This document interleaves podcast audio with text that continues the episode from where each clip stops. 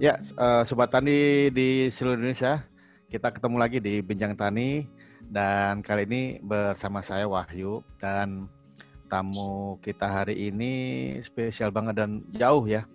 Jauh dari satu pulau di luar Jawa di Pulau Batam. Nah, teman-teman pasti kalau Batam uh, apa ya, pasti ada sesuatu yang terkait dengan Batam. Salah satunya adalah daerah dulu terkenalnya adalah uh, daerah bebas pajak gitu ya. Nah, tapi kita nggak ada kaitannya sama barang-barang bebas pajak nih. Nah, hari ini kita diskusi uh, tentang tetap uh, yaitu pertanian. Dan kita sapa dulu uh, tamu kita hari ini. Assalamualaikum Pak Sutarmono. Halo. Waalaikumsalam. Ya, Pak Sutarmono Pak ya? Wahyu. Ya, ya, betul. Iya, di Batam ya, Pak? Iya, Pak. Saya di ya. Batam. Oke, di Batam. Pak, uh, di Batam cuacanya hari ini gimana Pak? Alhamdulillah hari ini cerah, tapi cerah, ya? beberapa hari kemarin mendung Pak. Mendung ya? Iya. Oke. Nah Pak Sutarmono kan uh, pasti ini dari namanya keturunan Jawa nih ya Pak? keturunan iya. Jawa. Iya, iya. Pak, uh, sehari-hari boleh dicerita ke aktivitas di Batam apa sih Pak? Untuk saat ini saya sebagai karyawan swasta mm-hmm. karena uh, di Batam kan terkenal dengan industrinya. Ya. Kemudian betul, betul. di rumah saya uh, bercocok tanam yaitu mm. di pekarangan rumah mm-hmm. untuk menyalurkan ya hobinya nanam-nanam lah. Karena dulu mm. waktu kecil saya hidupnya itu waktu sama orang tua berkebun. Mm-hmm. Jadi selama uh, 20 tahun lah saya ikut orang tua itu berkebun. Mm -hmm. Nah, sekarang sudah kerja di perusahaan swasta dan di rumah tetap masih senang bercocok tanam. Oke, jadi uh, apa memanfaatkan lahan yang di pekarangan? Ya betul sekali. Ya. Nah ini saya dapat info uh, dari uh, Mbak Nisa. Ini Pak Sutarmono ini uh, nanam cabai ya Pak? Iya betul. Mem memelihara cabai, bukan cabai ya Pak, jangan salah nih. Kalau cabai kan nanti apa? Cabai yang memelihara cabai. Nah cuman uniknya uh, agak sedikit aneh nih, maksudnya nggak nggak biasa, bukan aneh nggak biasa gitu ya bahwa cabai yang di apa ditanam Pak Tarmono ini lebih ke untuk tanaman hias, betul ya Pak? Ya, betul sekali. Hmm. Namun kalau yang sebenarnya ya, itu tidak hanya sekedar tanaman hias. Hmm, Bisa jadi... kita konsumsi seperti hmm. pada umumnya. Oh, saya pikir cuman, tuh cuman dilihat dilihat-liatin gitu deh pandang-pandangin gitu. Bisa dimakan sayang, juga ya, Pak? Sayang, ya. Jadi secara umum dia itu bisa dimakan. Bahkan hmm. selama saya tanam dari hmm. 24 jenis hmm. itu semuanya sudah saya coba hmm. nggak ada yang masalah. Ya. Rasanya sama dengan cabai-cabai yang lain, Pak ya? Ya, ya. Hanya nanti nilai estetika atau keindahannya itu beda. Ketika kita tanam tuh warnanya cantik, ada yang oh. kuning, ada yang oh. ungu, ya. ada yang hitam gitu. Oh, dia variasi dari si warna. Tapi kalau ya, dari, dari sisi warna. visualisasi uh, apa cabenya, terus kemudian bentuk uh, nah. apa cab uh, pohonnya gitu loh. Dia sama nah. atau memang beda?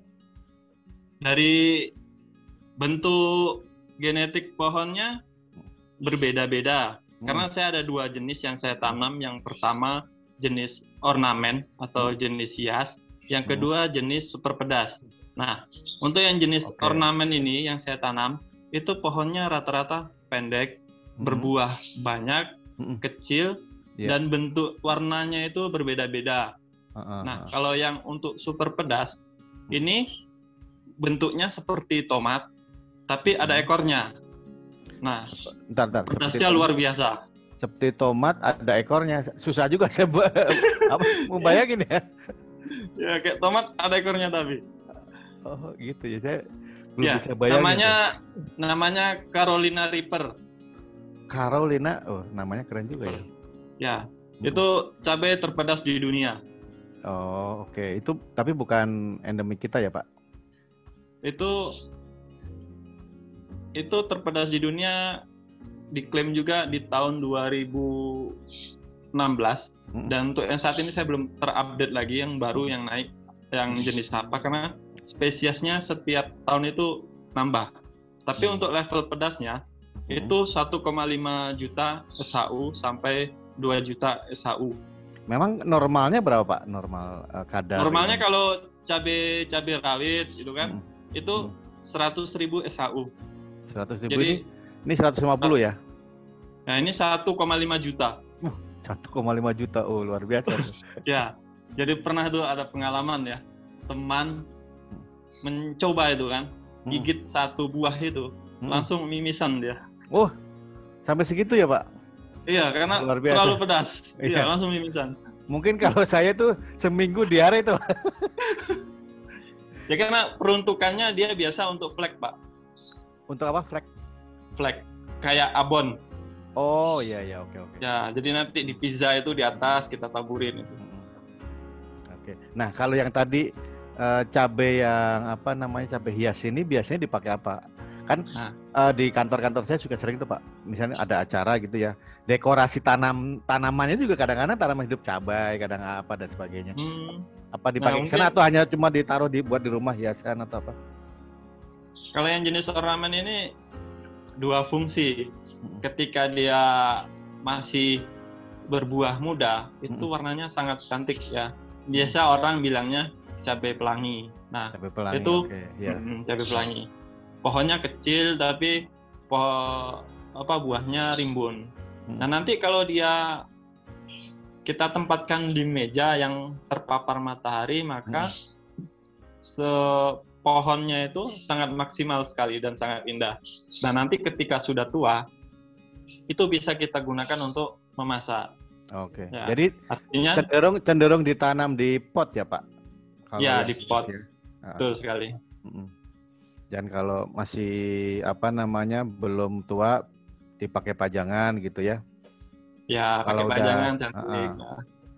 Dan dia ini nggak Pak kalau misalnya uh, udah dipanen gitu, dia bisa uh, berbuah lagi atau kita harus ganti tanamannya? Berbuah lagi Pak. Oh bisa ya? saya, ya? Sampai biasanya berapa kali Pak? Yang saya tanam hmm? paling lama ya, dia bertahan 1,5 tahun masih produktif. Oh satu setengah tahun? Ya. Berarti kan kalau cabai kan berapa? Tiga bulan ya Pak? Tiga bulan berbuah. Tiga bulan berbuah. Setelah berbuah itu dia berapa bulan lagi itu bisa berbuah lagi?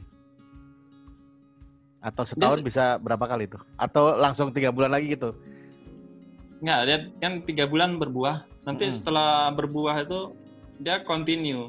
Yang tua diambil nanti yang muda oh, tumbuh terus continue terus, gitu. Jadi dia terus gitu ya, terus terus ya, terus berbuah. berbuah. Dia nggak nggak kenal musim kayak oh, durian okay. musim durian itu enggak.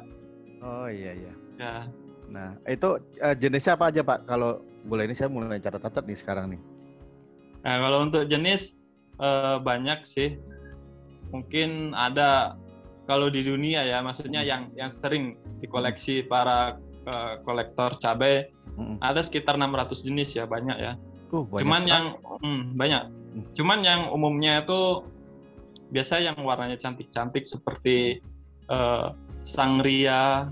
Sangria. Atau, ya. Terus? Bolivian rainbow. Bolivia rainbow. Ya, terus golden nugget. Mm -hmm. Hmm, terus ada Pak, ada nggak sih Pak yang namanya nama Indonesia atau nama Jawa gitu? Kan ini namanya nama nama luar semua gitu. Kita punya nggak? Oh, enggak, enggak ada Pak. Karena oh, ada ya. Asal asal mulanya ini belinya dari dari luar negeri Pak. Oh iya, jadi memang nggak ada ini ya. cabai impor Pak. Iya Pak. Oh, cabai.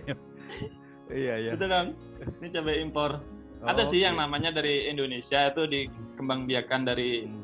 kita kita juga itu kan. Hmm. Cuman namanya ya tetap aja masih nyangkut-nyangkut nama luar negeri. Oh, enggak, atau Bapak kali uh, silang-silangin kemudian terus kasih nama gitu kan. STM gitu Pak. Pak Sutamono untuk gitu. saat untuk saat ini saya sedang proses penyilangan. Oh ya. Dan hasilnya masih belum saya kasih nama, masih bingung. Oh iya ya. Uh, saya boleh Pak kalau mau pakai nama saya saya ikhlas gitu ya. Oke oke. Jadi banyak banget pak ya. Nah kalau kalau saya misalnya saya nyari bibitnya itu gampang nggak sih dicari di di mana? Gampang pak. Oh online ya, atau di mana? Di Shopee banyak. Hmm. Namun nanti hmm. dia dipastikan saja resellernya itu yang hmm. uh, bintangnya banyak. Hmm, okay, Karena okay. banyak banyak yang mengeluh kan. Uh, ya betul pak. Di, setelah beli ternyata tumbuhnya cabai rawit. Ya, bintang sama ini Pak ya, apa namanya? komennya Pak ya. Ya, betul baik-baik. Pak, Pak Sutarmono, jadi uh, uh, infonya Bapak juga um, apa namanya membudidayakan cabai ini uh, hmm. tidak hanya di pot ya, tapi dengan hidroponik katanya. Ya, betul. Ya. Kan Jadi, tadi Bapak Bapak kan bilang kan ini kan cabai cabai hias ya, cabai apa ya. namanya? Nah, kalau di hidroponik eh, medianya gimana tuh, Pak?